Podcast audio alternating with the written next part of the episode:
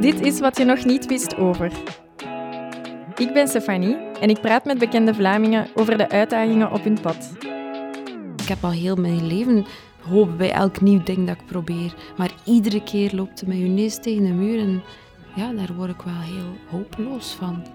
Isolde Lazoen vertelt over het monster dat migraine heet en een serieuze domper zet op haar levensvreugde.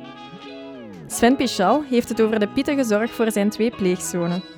Ze zijn beschadigd uh, soms. En die schade is aangericht door volwassenen. En ze moeten dan wel luisteren naar volwassenen. Thomas van der Plaatsen blikt terug op een intense periode na zijn kankerdiagnose. En denkt al na over zijn leven na de sport. Het leven is heel kort blijkbaar. En dan had ik iets van, oké, ik wil toch wel meer van het leven genieten. Ik ben nog gefocust op mijn sport nu en wat dat er dan binnenkort komt. Het zal al sinds minder erg zijn dan een kankerdiagnose, dus Wist je dat Linda de Win haar eeuwig rinkelende telefoon mist nu ze geen politici meer interviewt? En dat William Boeva uitkijkt naar de dag waarop mensen met een beperking er echt toe doen? In deze podcast tonen we dat iedereen worstelt, valt en weer opstaat.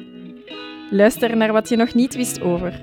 Een podcast van CM, in je favoriete podcast-app of via leefmagazine.be.